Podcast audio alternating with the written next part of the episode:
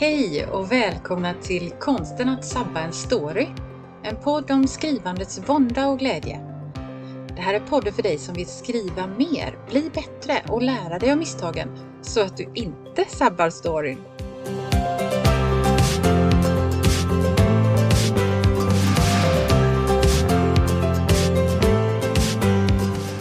Jag heter Anna-Karin Svanå. Jag är skrivarcoach, lektör och författare. Men nu sätter vi igång!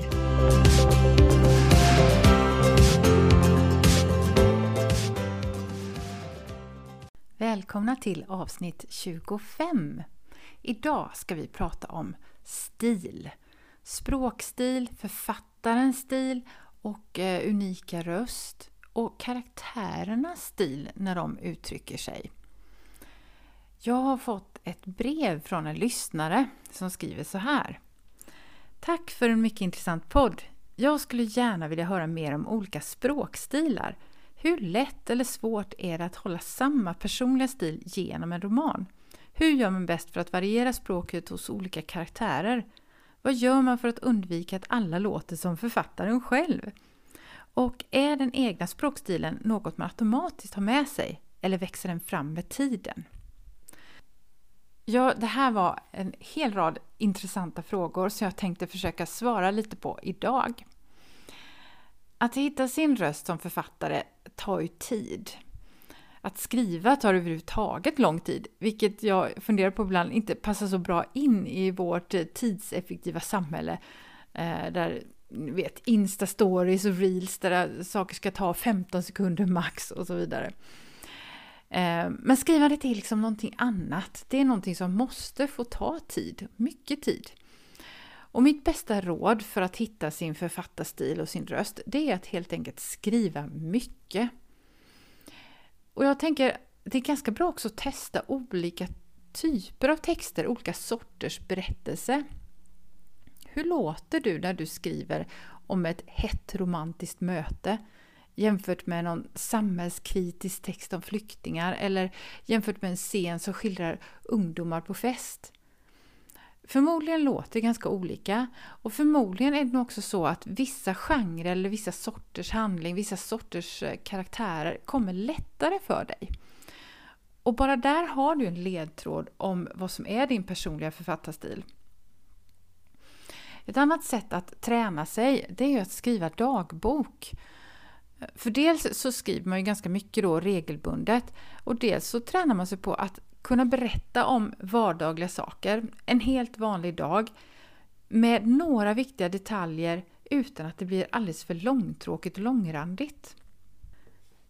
Eftersom det som sagt tar då lång tid att skriva, speciellt kanske en hel roman, så är det ju inte ovanligt att slutet låter annorlunda än början i texten.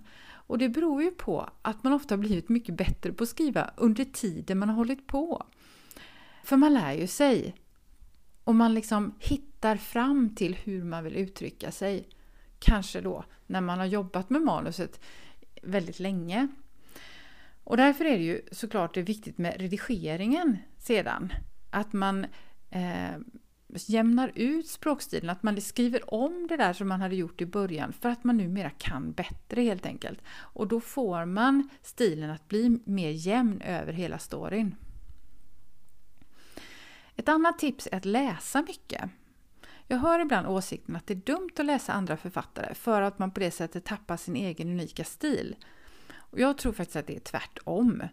Det kan vara jättebra att härma andra författare tills du hör hur du själv låter. Jag har i vissa manus fått ändra om i redigeringen för att jag ser vissa formuleringar och ordval som sticker ut och inte riktigt passar in i sammanhanget. Och det kan ju vara precis sådana ställen där jag medvetet eller omedvetet, med, omedvetet har låtit en annan författares röst liksom bryta in i min egen bara för att jag tyckte att det var så snyggt eller så smart eller så bra på något sätt. Eh, men då ser jag ju att det är något som sticker ut och att det inte är riktigt mitt eget. Men kanske kan jag då liksom få fatt i vad det var som gjorde att jag tyckte det var så bra och sen ändå göra om det till min egen stil.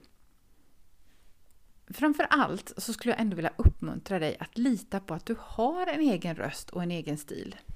Tro på din författarauktoritet. Säg till dig själv Nu skriver jag och det är värt att lyssna på eller läsa. Den, det här är liksom en ton som, som gör att man fångar läsaren. Eller förläggaren för den delen. Starta kommunikationen med läsaren på en gång när du börjar din roman eller din story.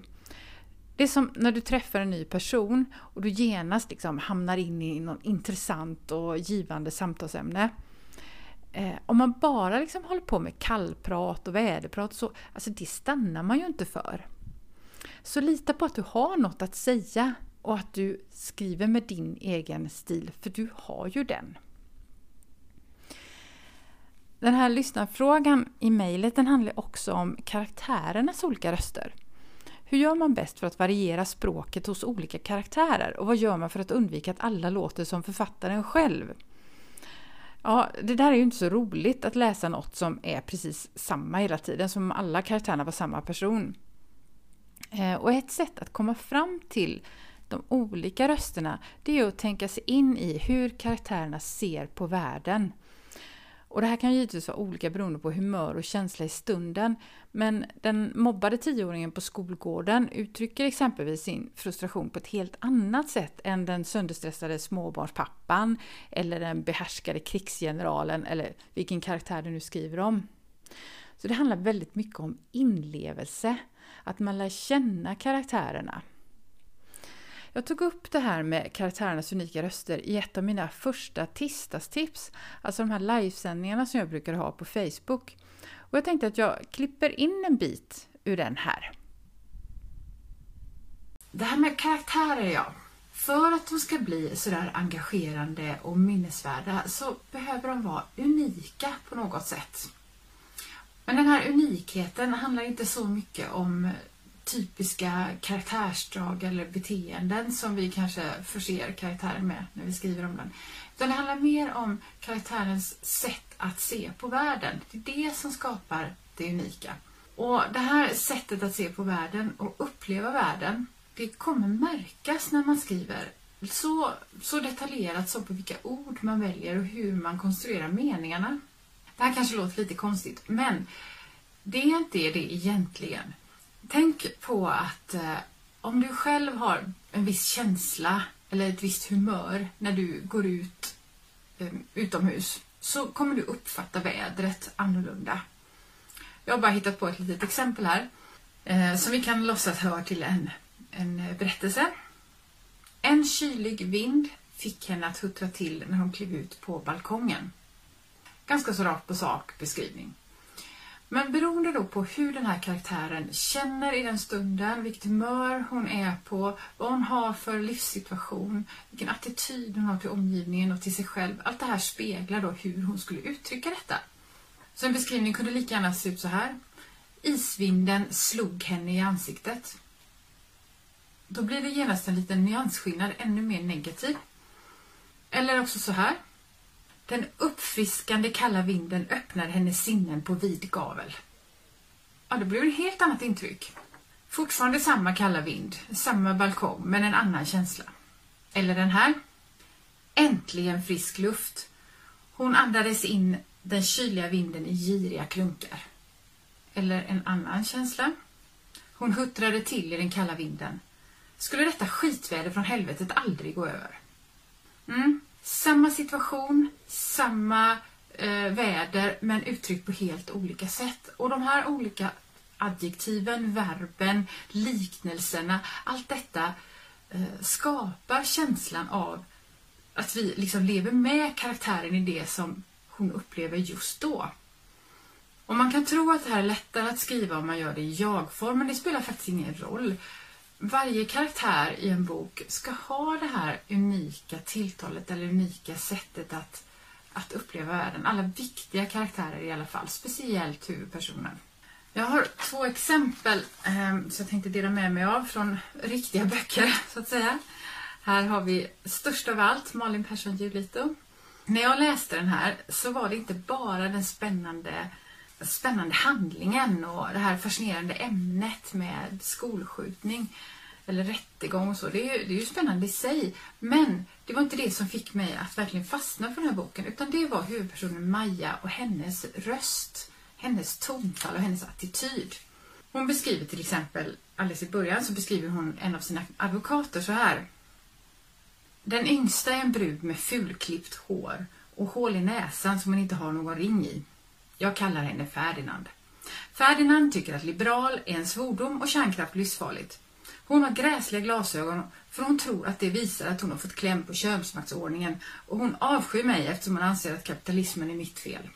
Den första gången jag träffade henne behandlade hon mig som om jag vore en galen modebloggare med en osäkrad handgranat i ett, fly i ett flygplan. Visst, visst, sa hon utan att våga titta på mig. Visst, visst, oroa dig inte, vi är här för att hjälpa dig. Som om jag hotade att spränga alla i luften om jag inte fick min biodynamiska tomatjuice utan isbitar. Alltså det är bara Maja som uttrycker sig på det här sättet, som ser sin omgivning på det här sättet, som använder just dessa detaljer och dessa liknelser. Och Det gör ju att jag som läsare kommer nära henne. Jag förstår hennes situation, hur hon, eh, hur hon upplever allting och jag lever liksom i historien genom hennes ögon.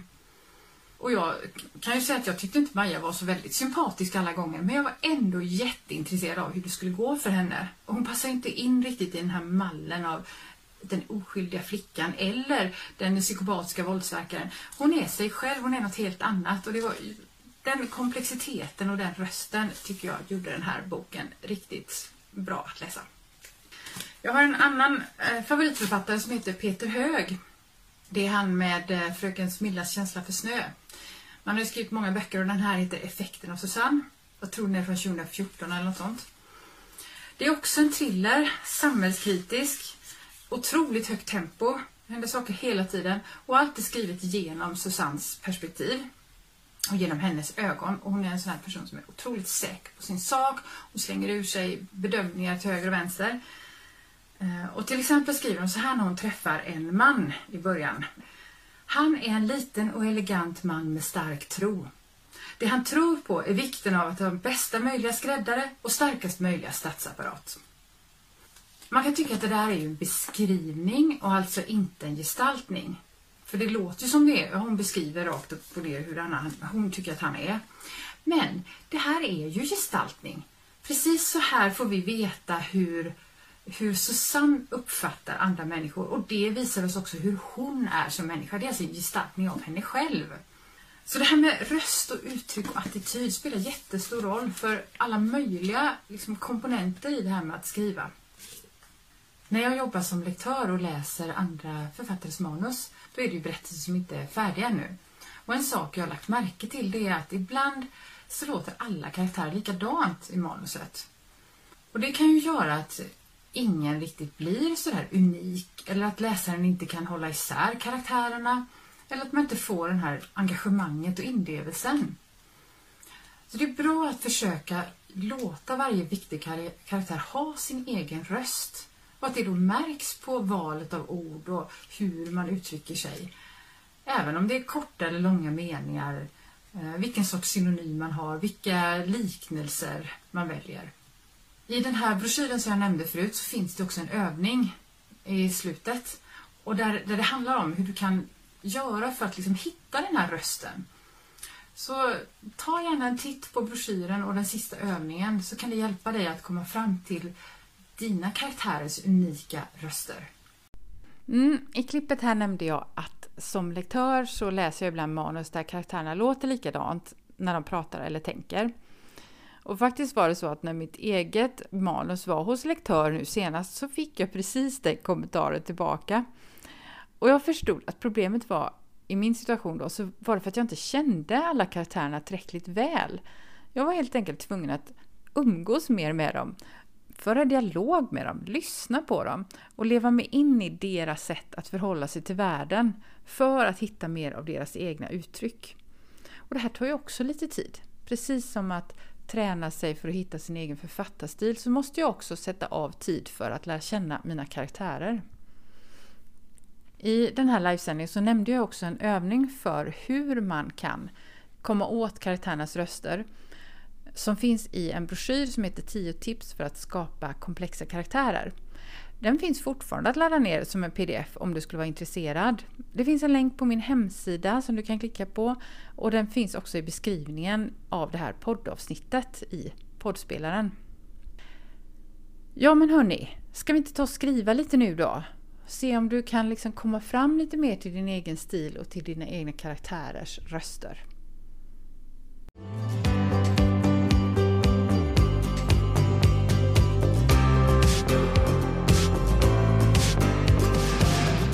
Det var allt för idag.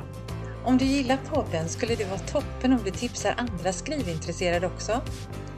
Titta gärna in på min hemsida www.annakarinsvana.se. Där finns bland annat en gratis minikurs om att börja skriva.